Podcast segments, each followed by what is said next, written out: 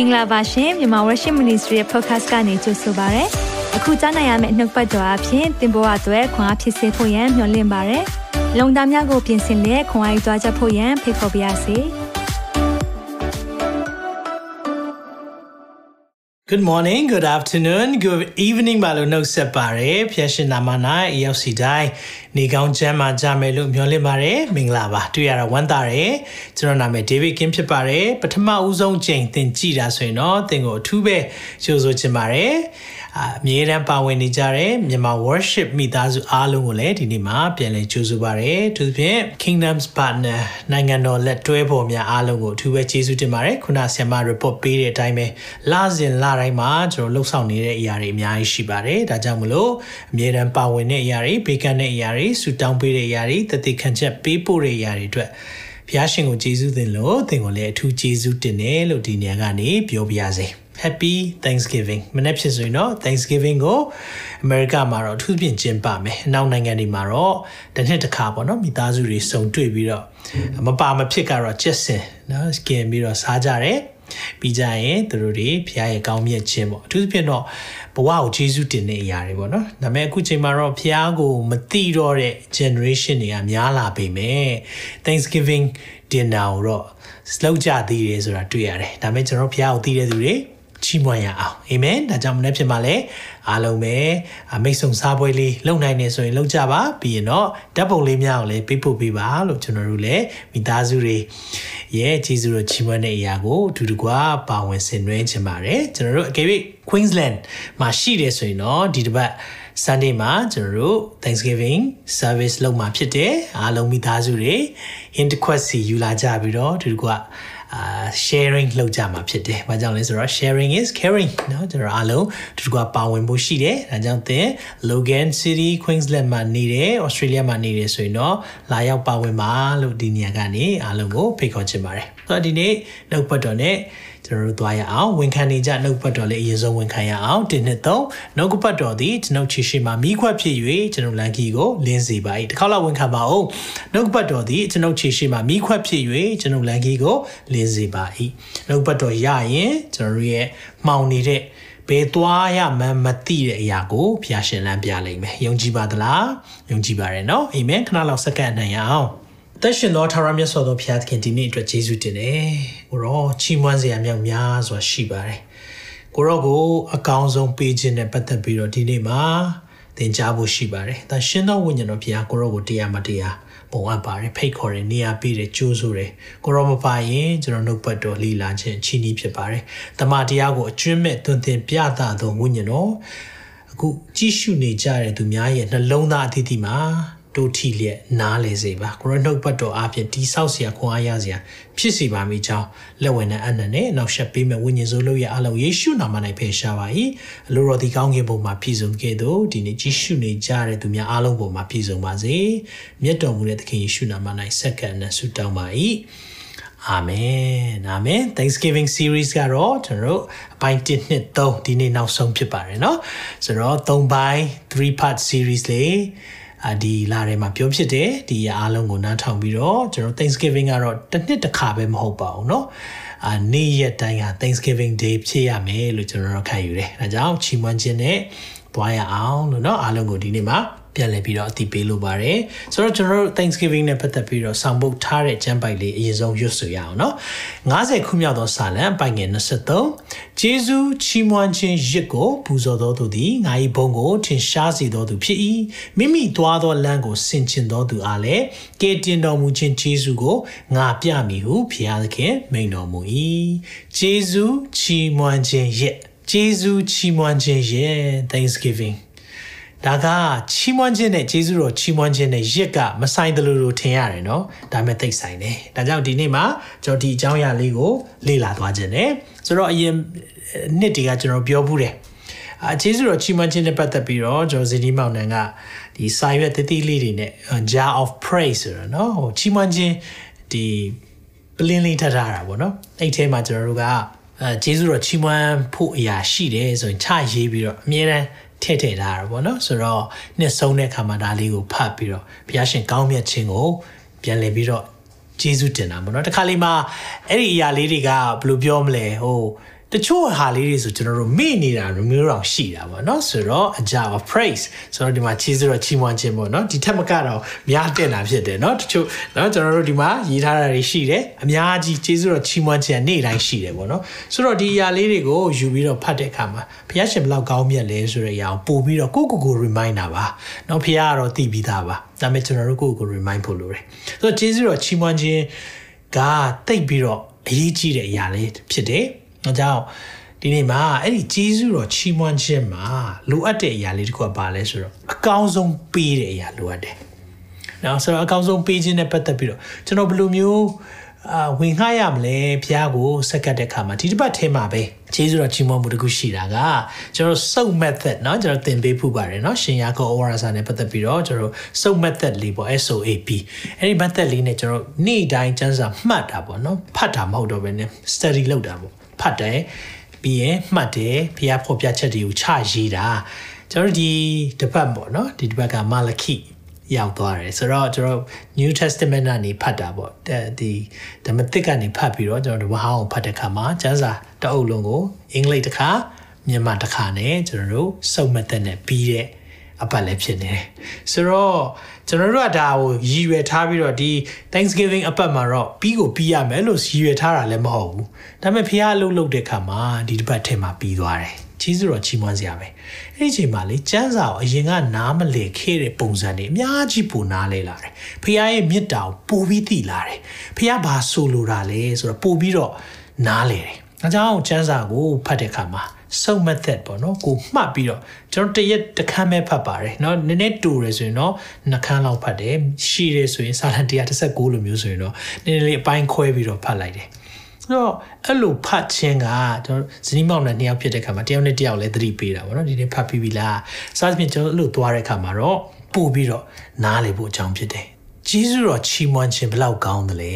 ဒါလေးကိုနားလည်ဖို့လိုတယ်နော်ဒါကြောင့်ဒီနေ့မှာကျေးဇူးတော်ချီးမွမ်းခြင်းနဲ့ပတ်သက်ပြီးဒီမာလခိကိုဖတ်တဲ့အခါမှာမာလခိရဲ့အဓိပ္ပာယ်ကဘာလဲဆိုတော့ my messenger နော် my messenger my messenger ဆိုတဲ့အဓိပ္ပာယ်ကနော်ငါရဲ့တည်င်းပေးတဲ့သူတဲ့နော်ဆိုတော့တည်င်းပေးတဲ့လူဖြစ်တဲ့အခါမှာငါရဲ့တည်င်းပေးတဲ့သူဖခင်ကအဲ့ဒီမာလခိကိုပြောတဲ့အချိန်ဒါဓမ္မ ဟောင်းရဲ့နောက်ဆုံးကျမ်းပိုက်ဓမ္မဟောင်းပြီးပြီးတာနဲ့နှစ်ပေါင်း400ဖခင်စကားပြောခြင်းမရှိတော့ silent 400 years အဲ့ဒါပြီးတဲ့ခါကျမှဓမ္မသစ်မှာဘယ်သူပေါ်လာလဲဆိုတော့နှစ်ချင်းဆရာယောဟန်ကနော်တော၌ဟစ်ကြော်တဲ့အတန်းဆိုပြီးတော့နှစ်ချင်းစရာယောဟန်ကနောင်တရပါဆိုပြီးတော့ပြန်ပြီးတော့ပေါ်လာတဲ့အရာရှိတယ်။ဒီအရာလေးကိုမြင်တွေ့တဲ့အခါမှာငြိမ်သက်ရာနှစ်400ဆိုတာရှိတယ်။ ဘာကြောင့်ဖះကငြိမ်သက်သွားလဲသိလား။မာလခိဖတ်ကြည့်တဲ့အခါမှာလေဖះရဲ့နှလုံးသားကြည်ခွဲခြင်းကိုကောင်းကောင်းနားလေရတယ်။ဘာကြောင့်ဖះနှလုံးသားကြည်ခွဲလဲနော်။ဆိုတော့လူတွေရဲ့ပေးကမ်းခြင်းကြည်လိုက်တဲ့အခါမှာဖះနှလုံးသားကြည်ခွဲဖို့အကြောင်းဖြစ်လာတယ်ဆိုတော့ဒါဒါကြောင့်မလို့ကျွန်တော်တို့ဒီအရာလေးကိုကြည့်တဲ့အခါမှာ ဖះကဘာဘာဟုမျော်လင့်တယ်လဲเนาะဖះမျော်လင့်တဲ့အရာလေးတခုကိုဒီနေ့မှာပြောပြချင်တယ်ဆိုတော့ဖះဘာမျော်လင့်တယ်ဒါကြောင့်မလို့ဓမ္မသစ်ကျမ်းက39ကျမ်းပဲရှိတယ်เนาะဖះစကားမပြောတော့အိမ်နောက်ပိုင်းမှာဒါအပိုထည့်တဲ့ကျမ်းစာတွေတော့ရှိတယ်เนาะဒါတွေကျွန်တော်တို့ canon ဆိုတာတမကျန်းစာစံချိန်နှုံးနဲ့မကိုက်တဲ့အရာတွေဖြစ်တဲ့ခါမှာကျန်းပယ်ဆိုပြီးတော့ဖြစ်သွားတယ်။အဲ့ဒါလေးကိုလည်းနားလည်ဖို့လိုတယ်။ဆိုတော့ဒီဖျားစကားပြောတဲ့ကာလအထိနော်အားလုံး 39ကျမ်းရှိတယ်။အဲ့ဒီ39ကျမ်းမှာကျွန်တော်ရှင်ယောဟန်မပေါ်လာခင်နှစ်400ဘုရားငြိမ်သက်သွားတယ်။ဆိုတော့ဘာကြောင့်လဲ။ဘုရားအင်မတန်မှစိတ်ကြည်ကွဲသွားတဲ့အရာလေးကိုမာလခိထဲမှာပြောထားတယ်။ဒါကြောင့်ကျွန်တော်ဒီအကောင်းဆုံးပေးပါဆိုတဲ့နှုတ်ပတ်တော်မှာအာဒါကတကယ်ပြောတင်တဲ့အရာဖြစ်တယ်ကျွန်တော်သိတင်တဲ့အရာဖြစ်တယ်ဆိုတာကိုဒီနေ့မှလည်းနားလည်စေချင်တယ်။နော်ဒါကြောင့် Thanksgiving series နောက်ဆုံးအပိုင်းမှာအကောင်းဆုံးပေးပါเนาะပြောကြည့်ပါအကောင်းဆုံးပေးပါเนาะအကောင်းဆုံးလိုချင်ကြမယ်เนาะပစ္စည်းတွေတစ်ခုခုပေါ့เนาะကျွန်တော်တို့လက်ဆောင်အခုเนาะ Christmas ရောက်လာတော့မယ်ဘသူကလေဟာရပါတယ်တန်ဖိုးမရှိတဲ့အရာဘာပဲပေးပေးဂျင်းတ်ပါတယ်ဆိုတာတကယ်ရှိလားတကယ်တော့မရှိဘူးเนาะကိုဘသူစီကပဲရရအကောင်းဆုံးရချင်တယ်ဟုတ်တယ်เนาะကျွန်တော်အကောင်းဆုံးရချင်တယ်ဒါပေမဲ့ ကျွန်တော်တို့မိသွားတာတခုကဖះလဲအကောင်ဆုံးရချင်တယ်သူလဲခံစားချက်ရှိတယ်ဖះကလည်းသူ့မှာလိုချင်တောင်းတတဲ့အရာရှိတယ်ဒါကြောင့်မလို့တမန်ကျမ်းစာမှာဘလို့တောင်းလဲเนาะဒီနေ့မာကုခရစ်ဝင်ကျမ်းခန်းကြီး2အငယ်30ပိုင်းမှာဗာပြောလဲဆိုတော့သင်၏ဖျားခင်ထာရဖျားကိုစိတ်နှလုံးကျွေးမဲ့ဉာဏ်ရှိသမျှအစွမ်းတတ်သည့်ရှိသမျှနဲ့ချစ်လော့ သင်ဤဖျားခင်ထာရဖျားကိုစိတ်နှလုံးကျွေးမဲ့ဉာဏ်ရှိသမျှအစွမ်းတတ်သည့်ရှိသမျှနဲ့ချစ်လို့ဘလို့ချစ်ရမလဲပြောတယ်စိတ်နှလုံးကျွေးမဲ့ဉာဏ်ရှိသမျှအစွမ်းတတ်သည့်ရှိသမျှနဲ့ချစ်ပါလို့ပြောတဲ့အခါမှာအကုန်ပါတယ်ဖះအလောက်ထိမျောလင့်ထားတယ်ကျွန်တော်တို့ကိုဒါပေမဲ့ဝမ်းနေဖို့ကောင်းတာဒီမာလခိရေးထားတဲ့အချိန်မှာ ဘာပေးကြလဲသိလားလူတွေကလေဖះကိုပေးတဲ့အရာလေးနော်ဖះနှလုံးသားဘာကြောင့်ကြေခွဲသွားတယ်လဲတစ်ချက်လောက်ကြည့်အောင်ဘာပေးလဲဆိုမာလခိ1အငယ်8မှာဒီလိုပေးကြတယ်လူတွေကယေဘရဟိတ်တွေကဥဆောင်ပြီးတော့ဘလို့ပေးပေးလဲဖះလူတွေကပေးတဲ့အရာလေးနော်မျက်စိကန်းသောအကောင်ကိုရစ်ပူစော်လင်အပြစ်ရှိသည်မဟုတ်လောတဲ့ဖះကိုဘာပေးလဲဆိုတော့ရစ်ပူဆိုတဲ့ခါမှာမျက်စိကန်းတဲ့အကောင်တွေပေးတယ် ခြေစွန့်အားသောအကောင်နဲ့နာသောအကောင်ကိုရစ်ပူဆိုလင်အပြစ်ရှိသည်မဟုတ်လောတဲ့ခြေစွန့်အားဓာတွေနာနေတာယောဂရှိတဲ့အရာတွေကိုဖះကိုပေးတယ်အဲ့ဒါကိုဖះဘယ်လိုတတ်မှတ်လဲဆိုတော့ညစ်ညူးသောအစာလို့တတ်မှတ်တယ်ညစ်ညူးတယ်တဲ့အဲ့လိုညစ်ညူးတဲ့အစာကိုပေးတာဖះကိုအဲ့လိုပေးတဲ့အခါမှာဖះဘာပြန်ပြောရလဲဆိုတော့အဲ့ဒီအခုမင်းတို့ငါ့ကိုပေးတဲ့ရက်ကိုမြို့ဝင်မင်းကိုပေးကြည့်လိုက်လေတဲ့ မြို့ဝင်မင်းအားဆက်ပါလောမင်းဤစိတ်နဲ့တွေးလိုက်ပြီလောတဲ့တွေးမယ်ထင်လားတဲ့တင်းမျက်နာကိုထောက်လိုက်ပြီနော်ကောင်းကင်ဘုရားရှင်တော်ရဖျားမိန်တော်မူ၏ဖျားဘာကြောင့်ကြည်ကွယ်သွားလဲသိလားဂျိုဂျိုးနှရွက်ပဲ့ပေါ့ဖြစ်ကြတဲ့ဇန်နေပေးတာစွန့်အနေတဲ့အကောင်တို့ဒါဖျားဖျားအဲ့ဒါမျိုးမဟုတ်ဘူးဖျားတောင်းတဲ့ရစ်ကအဲ့ဒီအကောင်ကိုစစ်ဆေးတဲ့ခါမှာနော်အနာအစာလုံးဝမရှိရအောင်တနည်းအားဖြင့်အကောင်းတကအကောင်းဆုံးကိုဖះက တောင်းတယ်အဲ့ဒီတောင်းတဲ့ဟာကိုမပေးတော့စွန့်အားနေတာလဲပေးလိုက်တယ်မျက်စိကန်းရင်လည်းပေးလိုက်တယ်ယောဂဖြစ်နေလဲဖះကိုပေးရမယ်ဆိုကြီးလိုက်တယ်အကောင်းဆုံးနေမပေးတော့ဘဲနဲ့အကြံနေနော်လုံးဝဟိုမဖြစ်တဲ့ဟာတွေပေးပလိုက်တယ်အဲ့လိုပေးလိုက်တဲ့ခါမှာဘာတွေ့ရလဲဖះနှလုံးသားကြည်ကွယ်သွားတယ်ဒါဆိုရင်ဖះဘာကြောင့်အဲ့လိုကြည်ကွယ်သွားလဲဆိုတော့အကျိုးပဲ့တွေပေးတာဟုတ်ဒါကြောင့်ပေးကမ်းခြင်းကဘာနဲ့ဆက်ဆက်လဲသိလားချစ်ချင်းမေတ္တာရဲ့ ဖះကိုလေးစားတဲ့အရာနဲ့ဆက်ဆက်တယ်ဆိုတော့ယိုသေးတာဖះကိုလေးစားယိုသေးခြင်းကြည်ညိုခြင်းမရှိတော့ဖះချစ်တဲ့ဖះကိုချစ်တဲ့အရာညော့သွားရင်လေပေးတဲ့အရာလည်းညော့သွားတယ်အကြောင်းအာကျွန်တော်တို့တန်တရားစိတ်တွေဝင်လာပြီဆိုရင်လေကျွန်တော်ပေးကမ်းခြင်းမှာချက်ချင်းပေါ်တယ်နော်ဆိုတော့ဘုရားကျောင်းမှာလည်းပေးကမ်းတာပဲဖြစ်ဖြစ်အလှူဒန်းလုပ်တာပဲဖြစ်ဖြစ်ဒီတယောက်ယောက်ကငါတို့ဆရာတွေကဘာများသုံးနေလဲမသိဘူးတန်တရားဖြစ်ကြည့်မပေးကျင်တော့စေဖို့တဖို့တော့ ဖះเจ้าမပို့ကျင်တော့ဘာကြောင့်လဲတန်တရားစိတ်ရှိလာတာအဲ့လိုမျိုးဖြစ်တဲ့အခါမှာเนาะနောက်ပိုင်းမာလခိ1 3 4မှာဖတ်ကြည့်တဲ့အခါမှာဖះကငါ့ကိုဓမြတိုက်တယ်တဲ့စေဘုဒ္ဓဖို့ဒီမပေးတဲ့အခါမှာဓမြတိုက်တယ်တဲ့ဆိုတော့ဒီအကောင်းဆုံးပေးနိုင်ဖို့ရန်အတွက်ဘာလို့လဲကျွန်တော်တို့အချက်၃ချက်နဲ့ကြည်အောင်ပေါ့နော်ဒါပေမဲ့နားလေစေချင်တယ်ဒီနေ့ကျွန်တော်တို့ဒီအရာပြောတဲ့အခါမှာဖះရဲ့တောင်းဆိုတဲ့အရာနဲ့ဖះရဲ့ဖြစ်စီချင်တာကိုနားလည်ဖို့လိုတယ် ဆိုတော့ကျွန်တော်တို့လည်းတခုခုလက်ဆောင်ရရင်အကောင်းဆုံးလိုချင်တယ်ဒါပေမဲ့ဖရားကလည်းအကောင်းဆုံးလိုချင်တယ်ဆိုတဲ့အရာကိုသိထားပါဒါကိုကျွန်တော်တို့တွေကြည့်ဖို့ဖြစ်တယ်။ဘာကြောင့်လဲလို့ပြောတဲ့အခါမှာဝိပ္ပယကျမ်းခန်းကြီးခွန်အရင်ဆုံးရှင်းပြခြင်းတယ်။ဝိပ္ပယခွန်နဲ့အငယ်7ခုနကျွန်တော်တို့အဖွင့်ဖတ်ခဲ့တဲ့ကျမ်းပိုက်မှတ်မိလား။ဂျေဇူးချီးမွမ်းခြင်းရဲ့တကယ်တော့ဂျေဇုချီးမွမ်းခြင်းရစ်လို့ပြောတဲ့အခါမှာဖျားကိုပေးရတဲ့ရစ်က၅မျိုးရှိတယ်။ နော်ကျွန်တော်အချိန်မရှိတဲ့အတွက်အားလုံးမပြောတော့ဘူး။အဲ့ထဲမှာ peace offering ဆိုတာတခုပါတယ်။မိတ္တဟာယရစ်တဲ့။အဲ့ဒီမိတ္တဟာယရစ်က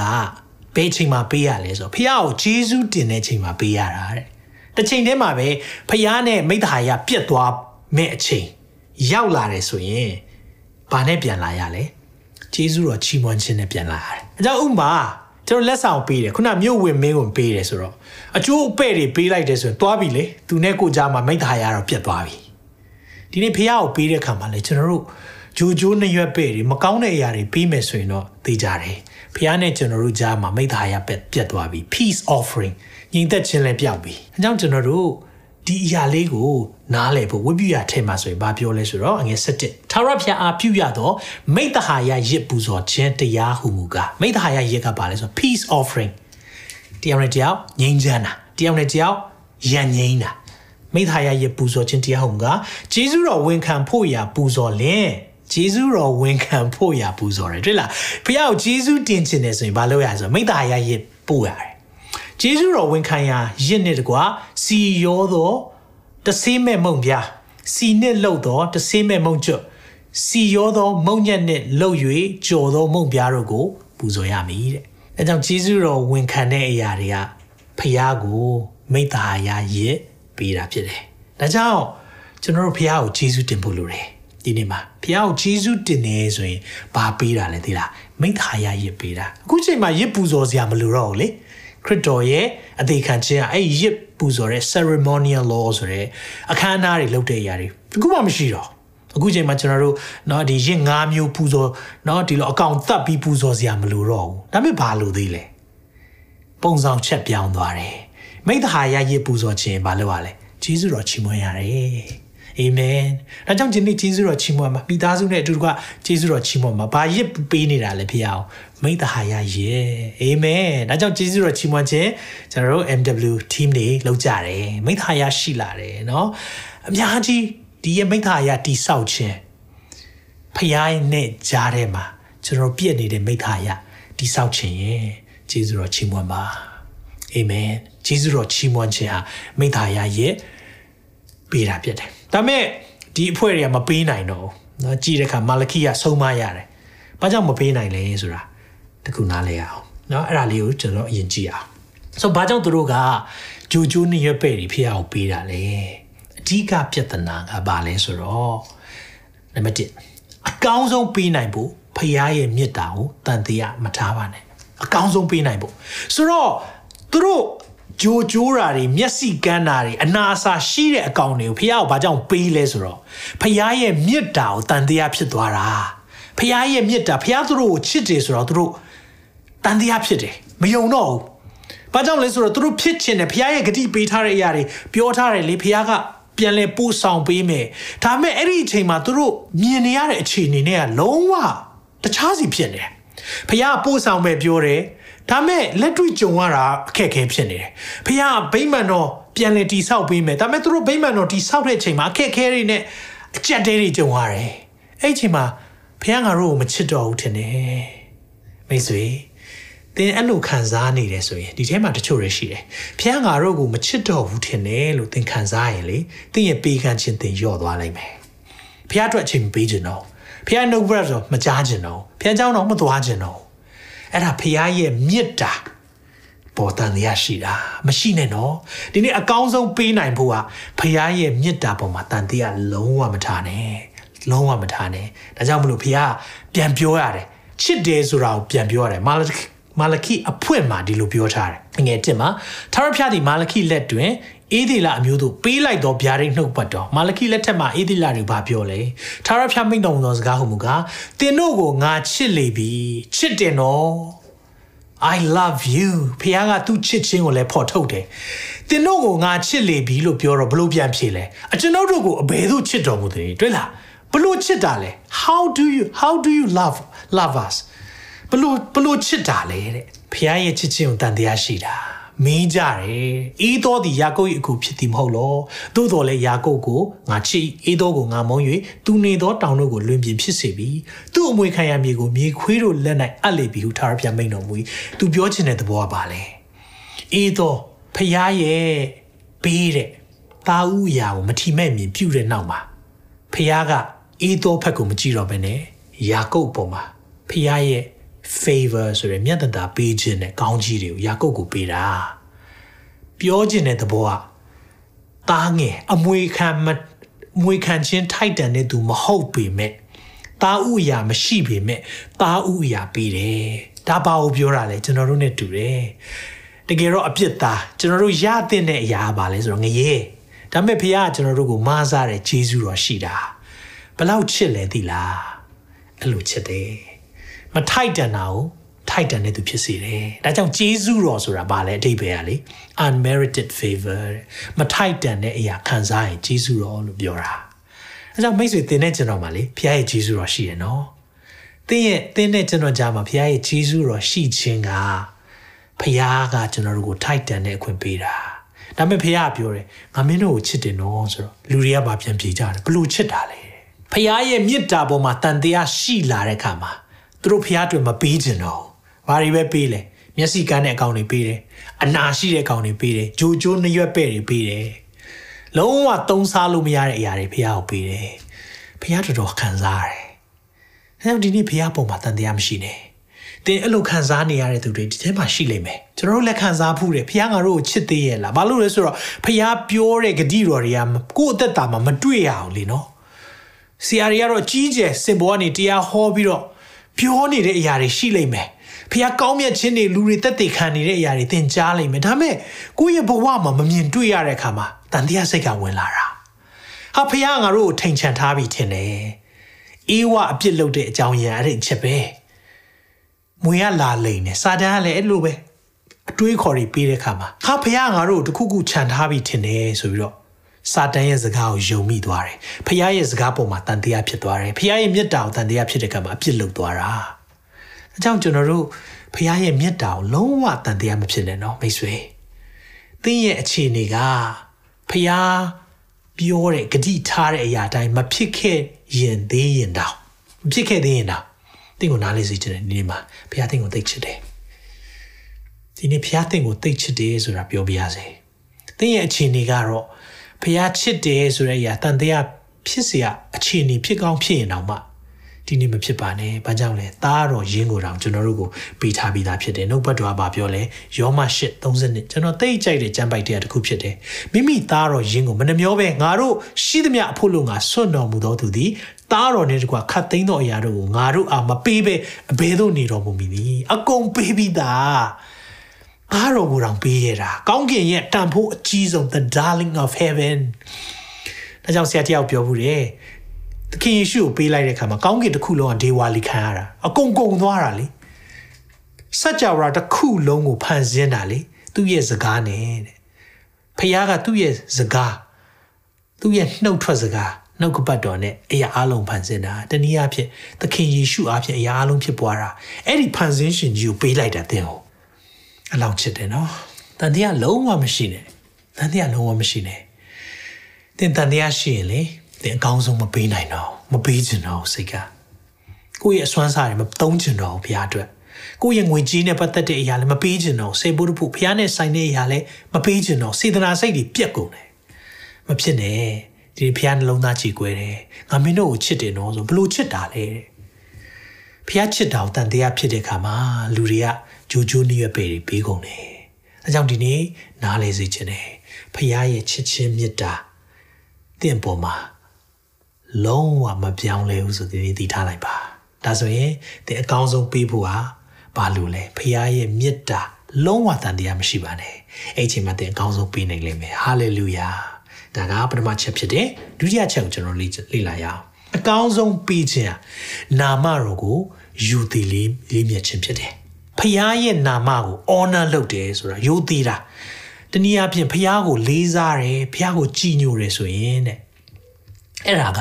အကောင်းဆုံးပေးခြင်းသည်နာမတော်ကိုယိုသေးခြင်းဖြစ်တယ်နှုတ်ပတ်တော်နဲ့ကြည်အောင်အဲ့ဒီမှာမာလခိခုနချစ်တယ်လို့ပြောတဲ့ချိန်မှာဒုတိယအပိုင်းလေးရောက်လာတဲ့အခါမှာငွေ6မှာမာလခိ1ငွေ6သားသည်အဘကိုယိုသေးတတ်၏ကျွန်သည်သခင်ကိုကြောက်ရွံ့တတ်၏သားကအဘကိုယိုသေးတယ်ကျွန်ကကြောက်ရွံ့တယ် ငါသည်အဘမှန်လင်ဖះပြောတာနော်ငါကောင်းကင်အဖမှန်တယ်ဆိုရင်ငါ့ကိုအဘယ်သူယူသေးသနည်းမေခွမေးရတယ်ငါ့ကိုဘာလို့မယူသေးတာလဲတဲ့သခင်မှန်လင်အဘယ်သူကြောက်ရွံ့သနည်းငါ့ကိုဘာလို့မကြောက်တာလဲသခင်ဖြစ်တယ်ဆိုရင်ကောင်းကင်ဘုချေရှင်သာရဖျားသည်နာမတော်ကိုမထီမဲ့မြင်ပြုသောယစ်ဘရဟိတ်တို့အားမေးတော်မူ၏ဖျားလူတွေနော်ယစ်ဘရဟိတ်သူတို့ဖျားเจ้าအတိတိတင့်ဆုံးသူတွေဒါပေမဲ့ ဖျားကိုမကြောက်ဘူးတဲ့ဒီနေ့ဒီခေတ်မှာလည်းအဲ့လိုဖြစ်နေတယ်ဖျားကိုမကြောက်ရင်ဒုစရိုက်အကုန်လုပ်တယ်ဂျေဇုတော်ဆိုတဲ့အောက်မှာကျွန်တော်တို့အကုန်လုံးလှုပ်လို့ရပြီလို့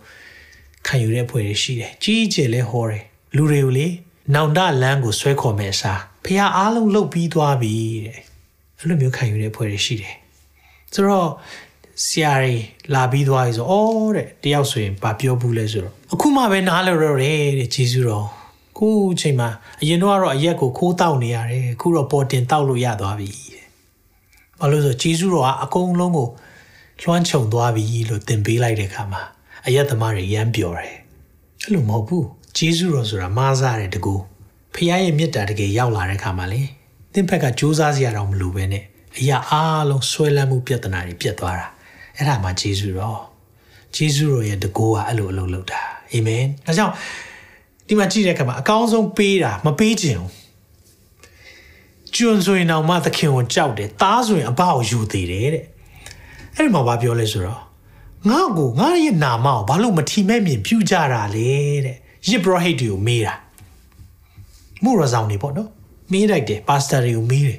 အဲ့ဒီမှာဘာပြန်ဖြေလဲအကျွန်ုပ်တို့ဒီနာမတော်ကိုအဘယ်သို့မထီမဲ့မြင်ပြူပါတဲ့တဲ့ဘလို့ဘလို့ကိုရိုနာမကိုမထီမဲ့မြင်လှုပ်လို့လေတဲ့ သူတို့လုံမန်းအောင်မသိလိုက်ဖျားနာမကိုစော်ကားနေမှန်းတော့သူတို့မသိဘူးဘယ်လိုလုပ်တာလဲတဲ့ဘယ်လိုလုပ်မိလို့လဲကိုရောတဲ့အဲ့ဒီမှာငယ်ခုနှစ်ပါညစ်ညူသောအစာကိုငါရစ်ပလင်တို့ဆောင်ခဲ့ကြသည်တကားဖះကိုပေးတဲ့အရာတွေကညစ်ညူးတဲ့အရာတွေဖြစ်နေတယ်အကျွန်ုပ်တို့သည်ကိုရော ကိုရောကိုအဘယ်သို့ရှုံချပါသနည်းဘလို့ရှုံချတာလဲကိုရောဦးတဲ့မင်းရတွင်ထာရဖျိုက်စပွဲသည်ရုပ်မာဤဟုဆိုသောကြောင့်ငါကိုရှုံချပြီတဲ့ဖះရဲ့စပွဲရုပ်မာတယ်လို့ပြောတယ်တဲ့အဲ့ဒါဘုရားနာမကိုရှုံချတယ်ပြီးရင်ခုနကျွန်တော်အဖွင့်မှာဖတ်ခဲ့တဲ့ကျမ်းပိုက်လေးမာလကိတင်ငယ်ရှစ်မျက်စိကန်းသောအကောင်ရစ်ပူဇော်တယ်ခြေစွန့်အားတဲ့အကောင်နာတဲ့အကောင်အဲ့ဒါတွေကိုပူဇော်တယ်အဲ့လိုပူဇော်တဲ့အခါမှာဘုရားဘယ်လိုခံစားရလဲ သူ့နာမတော်ရှုံချတယ်လို့ခံစားရတယ်မြို့ဝင်ကိုပေးကြည့်ပါလားတဲ့သူကျင်တတ်မယ်ထင်လားတဲ့ကျွန်တော်ဒီနှုတ်ဘတ်တော်ဖတ်တဲ့ချိန်မှာကျွန်တော်မျက်ရည်ပေါက်ပေါက်ကြတယ်ဖះရဲ့နှလုံးသားတစ်ချက်လေးဖះပြလိုက်တာအဲ့ဒီဖတ်တဲ့နေ့မှာကျွန်တော်မခံစားနိုင်ဘူးဖះကကျွန်တော်တို့ကိုပေးထားတဲ့အရာအများကြီးရှိရသားနဲ့ဖះကိုကျွန်တော်တို့ပြန်ပေးတဲ့အရာကြတော့ဂျူဂျိုးတဲ့အရာတွေနေရွက်ပဲ့တဲ့အရာတွေဖြစ်နေတယ်တနည်းအားဖြင့် ရစ်ပူဇော်တဲ့ရစ်ဘရဟိတ်ဒီဆိုတာဖះအမှုတော်ဆောင်တယ်ဒီကျမ်းစာကိုတည်တဲ့သူတွေကိုယ်တိုင်ကကိုဖះနာမတော်ကိုရှုံချတဲ့အရာတွေလုံမိနေပြီဆိုတော့ဖះကျွန်တော်ကိုနားလဲစေတယ်အဲ့ဒါနဲ့ကျွန်တော်အကောင်းဆုံးမပေးနိုင်တဲ့အရာတွေစဉ်းစားမိတဲ့အခါမှာဒီနေ့အကောင်းဆုံးပေးနိုင်ခြင်းကနာမတော်ယူသိခြင်းဖြစ်တယ်။ကျွန်တော်ရစ်ပူဇော်စရာမလိုတော့ဘူးလေခုချိန်မှာ။ဒါပေမဲ့ဘာလုပ်ရသေးလဲ။ဂျေဇုတော်ချီးမွမ်းဖို့လိုသေးတယ်။ ကျွန်တော်ရဲ့ပါဇက်နှခမ်းအသီးကျွန်တော်ပြောဖို့လိုသေးတယ်။အချိန်နာရီနဲ့ပတ်သက်ပြီးကျွန်တော်တို့ဖျားကိုပေးဖို့လိုသေးတယ်။အဲ့လိုမျိုးတဖြည်းဖြည်းနဲ့ရုပ်ရွံ့လာတဲ့ခါကျတော့ကျွန်တော်တို့အကောင်းဆုံးမပေးချင်တော့အကောင်းဆုံးမပေးချင်တော့ကျွန်တော် musician တွေဆိုရင်ကျွန်တော်မကြာခဏပြောတယ်ဆိုတော်တွေဖះကိုချီးမွမ်းကိုးကွယ်တယ်ဒါပေမဲ့ကျွန်တော်တို့ရဲ့တီးခတ်တဲ့လက်တံတွေကမကျင့်လာကြအောင်ကျွန်တော်တို့စာသားတွေမရကြအောင် တန်စင်နေမနိုင်ကြအောင်။ဘာကြောင့်လဲ။ဂျူဂျူနူရပဲပေးတာလေ။ဖះအလိုပေးတာ။အဲ့လိုခံစားတဲ့အခါမှာဖះလိုခံစားတယ်။မပြင်ဆင်မဲနဲ့ပေးတယ်။ကျွန်တော်ဒီခါမှာရစ်ပူစော်စရာမလိုအရင်တော့ဆိုရင်တော့တစ်နှစ်မှာတစ်ခါလေးပဲเนาะရစ်ပရဟိတ်ကနေတစ်ဆင့်လောက်ရတဲ့အရာလေးတွေရှိတယ်။ဒါပေမဲ့ကျွန်တော်တို့ဖျားမျက်မှောက်တော်ထဲကိုယေရှုခရစ်ရဲ့အသွေးတော်ရဲ့တကူတော်ကြောင့် တနည်းအားဖြင့်ဂျေဇုတော်ကြောင့်ဝင်ထွက်သွားလာနိုင်ပေမဲ့ဖခင်ကိုပေးတဲ့အရာတွေအကောင်းဆုံးပေးရလားမိတ်ဆွေဒီနေ့ပြန်စဉ်းစားပါနော် excellent spirit အကောင်းဆုံးဆောင်ရွက်လိုတဲ့စိတ်ဓာတ်ဆိုတာကျွန်တော်တို့လောကမှာနာမည်ကြီးတဲ့ပုဂ္ဂိုလ်တယောက်ပဲကျွန်တော်ဘုရားကျောင်းလာမယ်ဆိုရင်တော့ကျွန်တော်အသင်းတော်လာမယ်ဆိုရင်တော့မဟာဒီဆိုတော့လာမယ်ဆိုတော့ငါတို့တချင်းနေလေ့ကျင့်ရမယ်ကျွန်တော်မိသွားတာစัจ java ကိုဖန်ဆင်းတဲ့ဖန်ဆင်းရှင်ကိုပေးတဲ့ခါကျတော့ကျွန်တော်တို့ကရပါတယ် ရပါတယ်မလိုပါဘူးလေ့ကျင့်စရာလည်းမလိုဘူးကျွန်တော်အလိုမျိုးလုပ်ကြတယ်လောက်ပတ်တော်ဆိုလည်းမပြည့်စင်ဘူးတွေ့တာဟောလိုက်တယ်အဲ့ဒါကိုပြောတာဖျားဒီကျွန်တော်တို့ဘက်ကပြင်ဆင်ခြင်းတွေမရှိတဲ့ခါမှာ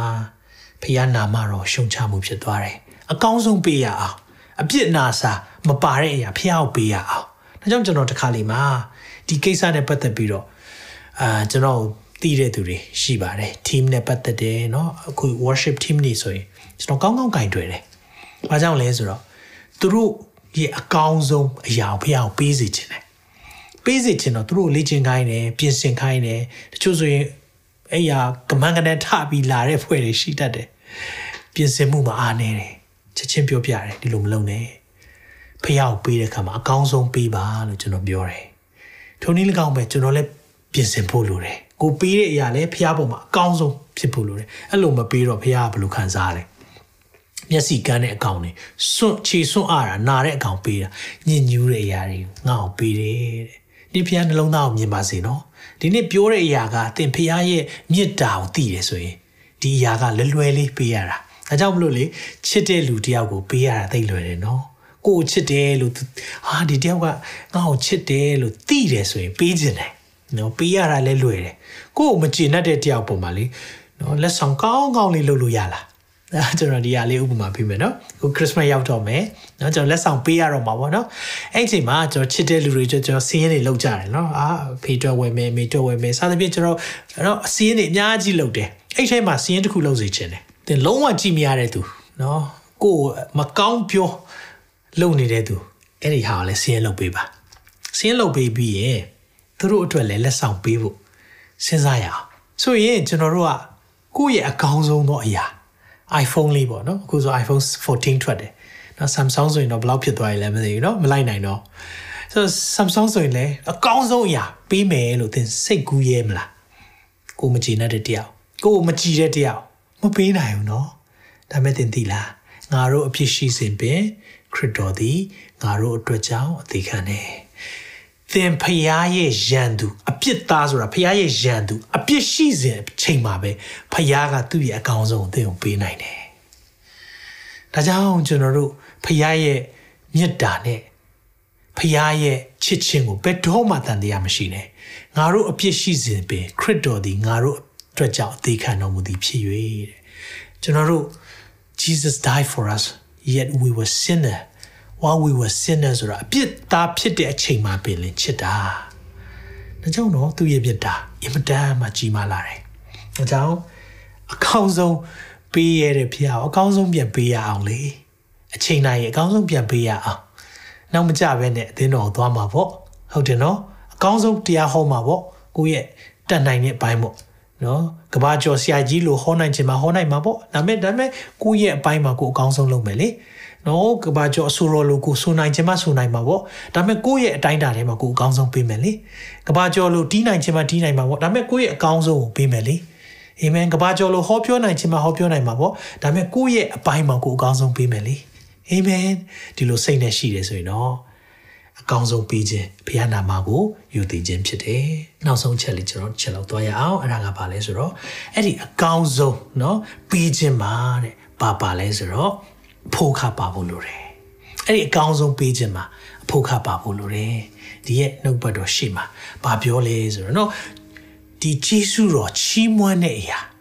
ဆာလံ136အငယ်7မှာဂျေစုတော်ချီးမွမ်းရာရစ်ကို ရှေ့တော်၌ပူဇော်၍သာရဖျား၏နာမတော်ကို ပထနာပြုမိတဲ့စာလန်ဆရာအဲ့လိုဆုံးဖြတ်တာဂျေဇုတော်ချီးမွမ်းတဲ့ရစ်လို့ပြောတဲ့အခါမှာခုနပြောတဲ့မိခါရရစ်ဘုရားကိုဂျေဇုတော်ချီးမွမ်းတယ်လို့ပြောတဲ့အခါမှာတဲ့ဘုရားရဲ့နာမတော်ပထနာပြုတာနဲ့တူတယ်ဘုရားနာမကိုလေးစားတာနဲ့တူတယ်ဒါကြောင့်ဂျေဇုတော်ချီးမွမ်းခြင်းပါလေနံပါတ်3ချက်ကဖိုးခပါဖို့လိုတယ်အဖိုးခပေးရတယ်ဆိုတာဘာကိုပြောတာလဲအဖိုးခဆိုတာတော့ဘယ်အရာမဆိုအဖိုးခပါတယ်ဒါပေမဲ့ ဒီအဖိုးခပေးဖို့ ਨੇ ပတ်သက်ပြီးတော့ကျွန်တော်တို့အားနေတတ်တယ်။တမန်ကျမ်းစာထဲမှာဒီအရာလေးကိုကျွန်တော်တို့သင်ပြတယ်တယောက်ရှိတယ်။ဒီအရာလေးပြောပြီးတော့ဒီဇလန်လေးနဲ့ကျွန်တော်အဆုံးသတ်ခြင်းတယ်။အကောင်းဆုံးဘယ်လိုပေးမှလဲ။ရှင်ဘုရင်ဒါဝိမင်းကြီးကိုတစ်ချက်လောက်ကြည်ရအောင်။နော်ဆိုတော့သူ့ကိုဖះချီးမြှောက်တဲ့ခါမှာအင်မတန်မှအောင်မြင်လာတယ်။နော်အောင်မြင်တယ်။တိုင်းနိုင်ငံအကြီးကြီးဖြစ်လာတယ်။လူလီသေးမရှိဖះပြင်ဆင်ပေးတဲ့အရာတွေအများကြီးရှိတယ်။အဲ့လိုဖြစ်လာတဲ့အချိန်မှာစာတန်ကလည်း တွေးဆောင်တဲ့အခါမှာစာတန်ကသူ့ကိုလည်းကဲကဲတကောင်စီရင်ကောက်တကောင်စီရင်ကောက်လူစီရင်တွေကောက်ကြည့်လိုက်ဘလောက်တောင်လူများနေပြီလဲဖះမခိုင်းမဲနဲ့လှုပ်တာဒါစာတန်ကနှိုးစော်တဲ့အခါမှာသူလှုပ်တယ်ကျမ်းစာထဲမှာချက်လောက်ကြည့်ရအောင်ဒါကိုဘယ်မှာတွေ့ရလဲဆိုတော့ရာဇဝင်ချုပ်ပထမဆောင်ခန်းကြီး21မှာတွေ့ရတယ်ဒါကိုဓမ္မရာဇဝင်ဒုတိယဆောင်24မှာလည်းဖော်ပြထားတယ်ဒါပေမဲ့ဒီနေ့ရာဇဝင်ချုပ်ပထမဆောင်ထဲအကြောင်းကိုပြောပါမယ်ငွေ1မှာ နောက်တစ်ဖက်စာတန်သည်တဲ့အေးဒီလာအမျိုးတစ်ဖက်၌ထ၍အေးဒီလာအမျိုးသားတို့ကိုရေတွက်စေခြင်းကဒါဝိဒ်ကိုတိုက်တွန်းလေရေတွက်ကြည့်လိုက်တကောင်စင်းကောက်ဆိုတာဘလောက်တောင်ရှိလဲနော်တကောင်စင်းကောက်တိုင်းလဲနော်သူတို့ပေးရတဲ့အဖိုးခရှိတယ်ဒါတွေလှုပ်ဖို့ရန်အတွက်ဘလောက်ရှိတယ်လဲဆိုတာကိုတဲ့ဘေးသရှေဘမြို့ကနေဒံမြို့တိုင်အောင်ရေတွက်ပါလို့ဘိုလ်ချုပ်မင်းရွာပေါ့ခိုင်းတဲ့ခါမှာမလုံနဲ့တော့ပြောကြတယ်ဟာဖះမခိုင်းမဲ့မလုံနဲ့လို့ပြောတဲ့ခါမှာတဲ့ သူ့ရဲ့စကားကတခြားသူတွေရဲ့စကားတွေထက်နိုင်သွားတယ်ဆိုတော့ဘရင်အမိတ်ဆိုတော့လုံရတယ်အဲ့ဒီခါမှာဖះအဲ့အင်မတန်မှစိတ်ဆိုးတယ်ဖះစိတ်ဆိုးတဲ့ခါမှာပြစ်ဒဏ်ပေးမယ်ပြစ်ဒဏ်ခတ်မယ်တဲ့၃မျိုးရွေးခိုင်းတယ်နော်မှတ်ထားပါနော်နံပါတ်1က၃မျိုး၃နဲ့ပဲစတယ်၃နှစ်လုံးလုံးအစာရီခေါင်းပါမယ်တဲ့နောက်ဒုတိယချက်၃လလုံးလုံးရန်သူလိုက်တာပြေးရမယ်တဲ့ဒါမှမဟုတ်ရင်၃ရက်ပတ်လုံး တိုင်းပြည်မှာကာလနာဖြစ်မယ်တဲ့ဆိုကြိုက်တာရွေးပါတဲ့ကြိုက်ပါကြိုက်တာရွေးပါဆိုတခုမှတော့မကြိုက်ဘူးလေနော်ဒါပေမဲ့အပြစ်လုပ်ပြီးပြီဆိုရင်တော့အဲ့ဒီရဲ့အပြစ်ရဲ့နောက်ပြစ်ဒဏ်တော့ကြုံရနိုင်မယ်ခံရတာပေါ့ဆိုတော့အဲ့ဒီမှာတကောင်စီရင်ကောက်လိုက်တယ်ပြစ်ဒဏ်၃မျိုးနောက်ဆုံးကြတော့လူလက်ထဲတော့မရောက်ချင်ဘူးဖះလက်ပဲရောက်ချင်တယ်လို့ပြောတဲ့အခါမှာဖះကကာလနာဖြစ်ခိုင်းလိုက်တယ် ကာလနာဘေးလွတ်တဲ့အခါမှာလူ9000သေသွားတယ်အဲ့လိုသေတဲ့အခါမှာသူအရန်နောင်တရပြီးတော့ဖះရှိမှာသူဘာပြန်လုပ်ချင်လဲဆိုတော့မိရှိုရရစ်ပြီးတော့မိသားရရစ်နော်ခုနချီးမွမ်းခြင်းပြန်လုပ်ချင်တယ်တနည်းအားဖြင့်ဖះနဲ့စက်ကြမှာပြတ်သွားတဲ့မိသားရငြိမ်သက်ခြင်းပျောက်သွားတဲ့အရာကိုပြန်ရှာခြင်းတယ်အဲ့လိုရှာခြင်းတဲ့အခါမှာ तू ရစ်ပူဇော်မယ်လို့ပြောတော့အဲ့ဒီမှာရစ်ပူဇော်မဲ့နေရာလေးနဲ့ तू လှုပ်တဲ့အရာတွေတခုရှိတယ်အဲ့ဒါကို22မှာဓမ္မရာဇဝင်ပထမဆုံးခန်းကြီး21ငယ်22မှာတွေ့ရတယ်။ဒါဝိဒ်ကလည်းလူတို့တွင်ကာလနာဘေးကိုငြိမ့်စေမိကြောင်းသာရဖျားဖို့ရစ်ပလင်ကိုငါတီလိုသည်ဖြစ်၍ဤကောက်နယ်တလင်းအရက်ကိုအဖိုးထိုက်တဲ့အတိုင်းရောင်းပါဟူအမိန်ရှိတော်တဲ့။ဘသူ့ကိုမေးလိုက်တာလဲဆိုအာယောနာဆိုတဲ့ပုဂ္ဂိုလ်မေးတာသူ့ရဲ့ဒီနေရာမှာလှုပ်ချင်တယ်။မင်းရဲ့ခြံဆိုရင်တော့ပေးပါဒီနေရာမှာရစ်ပလင်တည်ချင်တယ်။ အဲ့ဒီမှာအာယောနာကကျွန်တော်သခင်အရှင်မင်းကြီးယူတော်မူပါတဲ့ယူလိုက်ပါကိုအရှင်မင်းကြီးယူပါစိတ်တော်ရှိသည့်အတိုင်းပြုတော်မူပါမိရှုရာရစ်ဖို့နွားများထင်းဖို့ကောက်နယ်တစားများဘောဇင်ပူဇော်တကာဖို့ဂျုံစပါးများအလုံးစုံကိုကျွန်တော်ဆက်ပါဤဟုဒါဝိအားလျှောက်လေအကုန်ပေးမယ်တဲ့အကုန်လုံးဆက်တာရယ်ဆိုတော့အကုန်လုံး free ပဲအကုန်လုံးယူလိုက်ပါတဲ့ ဒီအချိန်မှာတော့ကျွန်တော်တို့ဆိုဘာပြောမလဲဟာအာယောနာရဲ့ဂျေစုတင်လိုက်တာမင်းလိုမျိုးလူလေးဖះเจ้าမှာအများကြီးရှင်ကောင်းမှာပဲအဲ့လိုပြောမှာကျွန်တော်တို့ဆိုလို့ပြောမှာဟာကွာကြည်ကြောင်အာယောနာကိုတွေးလားအကုန်လုံးတော့ဖေးတယ်အကုန်လုံးသူ့ထက်ကပေးတယ်ဒီဟောငါတကယ်လူနေတဲ့အချိန်မှာလာပြီးတော့ကူညီတယ်ကွာဖះရှင်ကောင်းကြီးပေးပါစေလို့မပြောဘူးဘာပြောလဲကြည့်အောင် ဒါဝိမင်းကြီးကငယ်24မှာထို့သောငါမယူရ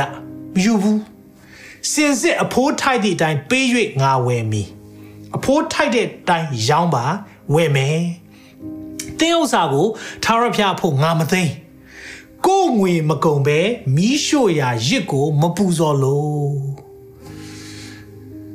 I will not sacrifice I will not worship the Lord that cost me nothing ငါငွေမပုံငါငါဖက်ကအဖိုးခမပေးပဲနဲ့လေဖះအောင်မမကူးကွယ်ဘူးတဲ့အာယောနာကိုဆိုပြီးတော့ရွှေ6ပိတ်တာကိုပေး၍ထိုရက်ကိုဝယ်ပြီးမှအဲ့ဒီအရက်အတွက်6ပိတ်တာပေးရတယ်ဒီထင်းနေနွားတွေအတွက်ကိုသူငွေ90ပေးတယ်လို့အဲ့ဒီတခြားတနေရာမှာဖော်ပြထားတယ်ဒါနှစ်ခုလုံးအတွက်ပေးတာကိုပြောတာဖြစ်တယ်ဆိုတော့ရွှေ6ပိတ်တာပေးလိုက်တယ်အခုဗိမာန်တော်ရှိနေတဲ့နေရာလေအဲ့ဒီနေရာလို့ပြောကြတယ် အဲ့ဒါပြီးဆက်ခြင်းပါတယ်သူ့ဖက်ကနေဖိုးခပါတယ်ဟိုကတော့ free ပေးနေပြီเนาะယူလိုက်ပါအားလုံးယူလိုက်ပါဒီမှာထင်းနေအကုန်လုံးယူကောင်းတဲ့တလင်းယူအရှင်မင်းကြီးကိုဆက်ပါတယ် no ငါဖះကိုကူးကွယ်တာလေငါဘက်ကပေးဆက်ခြင်းပါမယ်အဲ့လိုလာတာအကောင်းဆုံးပေးခြင်းနဲ့စိတ်လေးရတာအဲကြောင့်ဒီနေ့ဖះရဲ့ချစ်ခြင်းကိုနားလေတဲ့သူဟာ ပေးကမ်းဖို့ဝင်မလေးဘူးဖះရဲ့မြတ်တာကိုတကယ်သိတဲ့သူကနာမတော်ယူတည်တယ်ဆိုတာကိုသိတဲ့အခါမှာအကောင်းဆုံးပေးတယ်မိတ်ဆွေဒီမှာကြည့်ပါအောင်နော်အကောင်းဆုံးပေးခြင်းပါလေဖိုးခပါတယ်အဖိုးခပါတယ်အဲ့ဒီအဖိုးခတွေမြင်တွေ့တဲ့အခါမှာဘာတွေ့ရလဲငယ်26ထာဝရဘုရားအဖိုးရစ်ပလင်တီ၍ဘာလုပ်လဲမိရှုရရစ်ပြီးတော့မိသဟာယရဲ့မိသဟာယရဲ့ကြီးစုတော်ချီးမွမ်းတာ ဘုရားရဲ့ကွယ်ကခြင်းအတွက်ကျေးဇူးတော်ချီးမွမ်းတာရစ်ရစ်မိသားရရစ်တို့ကိုပူဇော်လေထို့သောထာဝရဘုရားကိုပတနာပြုသောအခါမိရှုရာရစ်ပလင်ပေါ်ပေါ်သို့မိကြသဖြင့်ကောင်းကင်ထဲကထူတော်မူ၏ဟာလေလုယာဖခင်လက်ခံတဲ့ကိုးကွယ်ခြင်းဖြစ်သွားတယ်အာမင်အဲကြောင့်ဒီနေ့မိတ်ဆွေရဲ့ကိုးကွယ်ခြင်းမိတ်ဆွေရဲ့ချီးမွမ်းခြင်းဖခင်လက်ခံဖို့လိုတယ်အဲကြောင့်လေဖခင်ကြောင့်သွားတယ်တို့နော်ကျွန်တော်ဗိမာန်တော်မှာဝတ်ပြုကိုးကွယ်တယ်ဆိုရင် အဖြစ်မသွားပါနဲ့အချိန်မီသွားအချိန်ကွက်တိမိတာလည်းမလုပ်ပါနဲ့ကြိုရောက်တော့ဘာဖြစ်မှာလဲကြိုးစားပါသင်ဘက်ကနေအကောင်းဆုံးပေးခြင်းနဲ့စိတ်နဲ့ပါဝင်ပါသင် team ထဲမှာပါဝင်နေဆိုရင်လည်းတိတ်ချကောင်းကောင်းလုပ်လေ့ကျင့်ပြင်ဆင်အားလုံးလုပ်ပြီးမှဖះကိုကိုကိုွယ်အဲ့ဒီကိုကိုွယ်ခြင်းပါလေမိကြတယ်တနည်းအားဖြင့်ဖះရဲ့မျက်မှောက်တော်ရဲ့လမ်းပြခြင်းရှိတယ် အာမင်နောက်ဒီမှာတွေ့တဲ့အခါမှာငါငွေမကုန်မဲနဲ့မကိုးကွယ်ဘူးတဲ့ပြောချင်တာအဖိုးခပေးမယ်ဒီဘက်ကအဖိုးခရှိလားသူများအင်ကြီးချွတ်ပေးရတာလွယ်တယ်နော်သူများငွေသုံးပေးရတာအရန်လွယ်တယ်ဒါပေမဲ့ကိုယ့်ဘက်ကအဖိုးခနဲ့ပေးရင်ရောအဲအဲ့ဒီချိန်ကြရင်ခက်လာတယ်ကိုယ့်ဘက်ကဖိုးခပေးဖို့လိုတယ်ကိုယ့်ရဲ့ဝမ်းစာကိုယ့်ရဲ့ချွေးစာချွေးနှဲစာအဲ့ဒါနဲ့ဘုရားကိုကိုးကွယ်ရမယ် အဲ့လိုကိုးကွယ်တတ်ဖို့လိုတယ်ဒါကြောင့်မလို့ဂျေဇုတော်ချီးမွမ်းတဲ့ခါမှာမိသားရရဲ့ဘုရားရှိမှရောက်တယ်ဟာလေလုယာဒီနေ့ဒီຢာလေးတွေ့တဲ့အခါမှာမတွေ့လေဟေပြဲ73ငယ်55ထားလေးပြောပြခြင်းနဲ့ထို့ကြောင့်ငါတို့ဒီဘုရားသခင်ဂျေဇုတော်ကိုဝန်ခံလျက်เนาะဘုရားကိုဂျေဇုတော်ဝန်ခံရမယ်နှခမ်းအသီးတည်းဟူသောချီးမွမ်းခြင်းရစ်ကို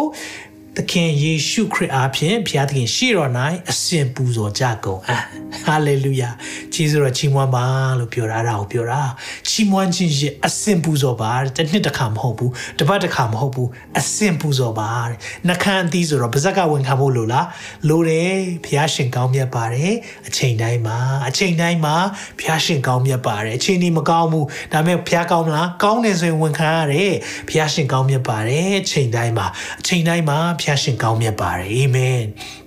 အဲ့လိုဝန်ခံတာနှခမ်းအသီးကျေးဇူးတော်ချီးမွမ်းခြင်းရစ်ကိုအမြဲပူဇော်တယ်မိသားရရှိတယ်ဖခင်နဲ့မိသားရပြတ်တယ်နော်ချီးမွမ်းခြင်းဒါကြောင့်မလို့ရှေ့တစ်ဘက်ကလည်းပြောခဲ့တယ် peace peace offering peace ညီသက်ခြင်းပျောက်သွားတယ်ကျေးဇူးတော်ချီးမွမ်းခြင်းမရှိတဲ့အခါမှာညီသက်ခြင်းပျောက်သွားတယ်ဒီနေ့ကျေးဇူးတော်ချီးမွမ်းခြင်းမှာ peace offering မိသားရလည်းရှိတယ်အာမင် ဒါလေးတွေ့ရတယ်ဂျေဇုပြုခြင်းဥစ္စာဝေမျှခြင်းအမှုတို့ကိုမမေ့လျော့ကြနဲ့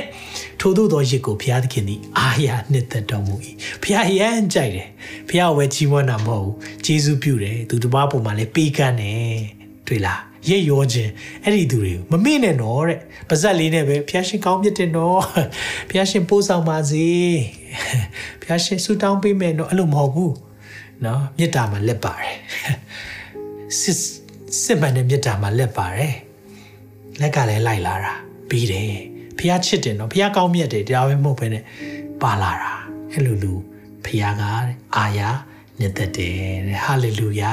ဟာလေလုယာအဲကြောင့်ဒီနေ့ချီးမွမ်းကိုးကွယ်ကြတော့မယ်ဆိုရင်ဒီနေ့ပြောပြချင်တယ်ဖះရဲ့မေတ္တာတန်တရားလုံးဝမရှိနဲ့အဲ့လိုမရှိဘူးဆိုအကောင်းဆုံးပေးနိုင်တယ် ဖះကိုအကောင်းဆုံးပေးတာဖះရဲ့နာမတော်ကိုယူသည်လေးမြတ်တာနဲ့တူတူပဲဖြစ်တယ်ဒီနေ့အကောင်းဆုံးပေးခြင်းမှာအဖို့ခပါတယ်မြဲတမ်းဖို့ခပါလိမ့်မယ်ပင်ပန်းတယ်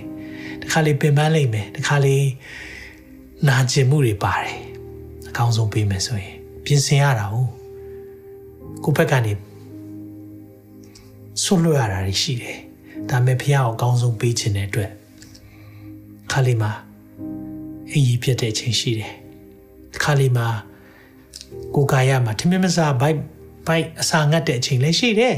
ကျွန်တော်တို့ team တွေမှာပါဝင်နေဆိုရင်အဲ့မဲ့ကျွန်တော်အကောင်းဆုံးပေးချင်တာလေအဲ့လိုအကောင်းဆုံးပေးချင်တဲ့အခါမှာဘုရားရဲ့မဆာခြင်းနဲ့ပို့ဆောင်ခြင်းရှိလိမ့်မယ်အာမင်အဲကြောင့်အကောင်းဆုံးပေးနိုင်တော်သူများဖြစ်ဖို့ဘုရားရှင်ထူးကောင်းကြီးပေးပါစေအကောင်းဆုံးပေးခဲ့တဲ့ဘုရားကိုအကောင်းဆုံးပြန်ပေးအောင်သရှင်တော်ဘုရားဒီနေ့နှုတ်ပတ်တော်အတွက်ယေရှုတင်တယ်ကိုရောရဲ့မေတ္တာ ကိုရောရဲ့ချစ်ချင်းပေါ်မှာကျွန်တော်တန်တရားထားမိတဲ့အတွက်လည်းခွင့်လွတ်ပါကိုရောကိုအကောင်းဆုံးမပေးနိုင်တော့ဘဲနဲ့ကျွန်တော်ခြံထားတယ်ဂျိုဂျိုနွေပဲ့တွေမျက်စိကန်းတာတွေနာတဲ့အကောင်တွေပေးမိတာအတွက်ခွင့်လွတ်ပါကိုရောနဲ့ပတ်သက်ပြီးအကောင်းဆုံးပေးနိုင်တော်သူများဖြစ်ဖို့ရန်မစားပါဒီနေ့ကျေးဇူးတော်ချီးမွမ်းခြင်းရစ်တနည်းအားဖြင့်မိတ္တဟာယရစ်ကိုကျွန်တော်တို့ပူဇော်တဲ့အခါမှာကိုရောနှစ်သက်တယ် အရောက်စီတိုင်းရဲ့အသက်တာမှာကိုရောရဲ့မြတ်တာကိုအခြေခံပြီးတော့ပေးကမ်းတော်သူများဖြစ်ပါစေ။ဒီချိန်ချင်းမှာပဲကိုရောအကောင်းဆုံးပေးကမ်းခြင်းဟာကိုရောနာမတော်ကိုယူသည်လေးမြတ်ခြင်းဖြစ်ကြောင်းလည်းဒီနေ့နားလည်စေလို့ယေရှုတင်နေ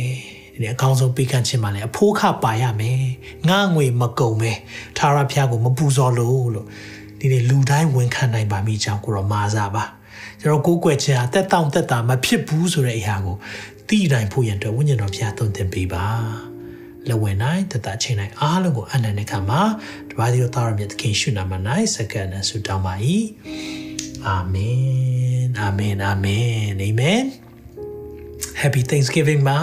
ဘုရားကိုဒီနေ့အစပြီးတော့အကောင်းဆုံးပေးနိုင်တော်သူများဖြစ်ဖို့ ဖျာရှင်ကောင်းချီးပေးပါစေကျွန်တော်ဆုတောင်းကောင်းချီးပေးပြီးတော့ဆုံးသက်ပါမယ်ထာဝရဘုရားဒီသင်ကိုကောင်းချီးပေး၍ဆောင်မတော်မူပါစေသောထာဝရဘုရားဒီသင်၌မျက်နာတော်အလင်းကိုလွှတ်၍ကိယူနာယေရှုပြုတော်မူပါစေသောထာဝရဘုရားဒီသင်ကိုမျှော်ကြည့်၍ချမ်းသာပေးတော်မူပါစေသော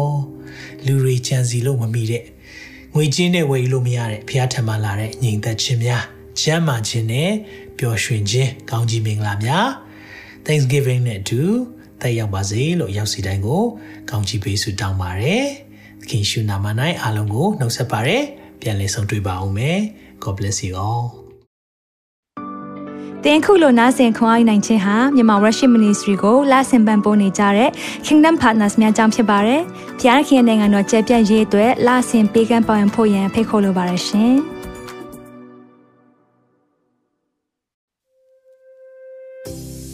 ခုကြားနာခဲ့ရတဲ့နှုတ်ပတ်တော်အဖြစ်ခွန်အားရရှိမယ်လို့ယုံကြည်မျှော်လင့်ပါတယ်။ခွန်အားရဆိုလို့ရှိရင်ဒီတစ်ပတ်နဲ့ပြန်လည်ဝင်မြပေးဖို့ရန်တောင်းဆိုပါရစေ။မြန်မာ Worship Ministry ရဲ့ website myanmarworship.com ကိုလည်းလာရောက်လေ့လာဖို့ရန်အတွက်ဖိတ်ခေါ်ချင်ပါတယ်။တချိန်ထဲမှာမြန်မာ Worship Ministry ရဲ့ social media platform များဖြစ်တဲ့မြန်မာ Worship YouTube Channel, မြန်မာ Worship Facebook Page နဲ့မြန်မာ Worship Instagram များကိုလည်းလာရောက်လေ့လာဖို့ရန်အတွက်ဖိတ်ခေါ်ချင်ပါတယ်။နောက်တစ်ချိန်မှာပြန်လည်ဆုံတွေ့ကြပါစို့။ဖျားရှင်ကောင်းကြီးပေးပါစေ။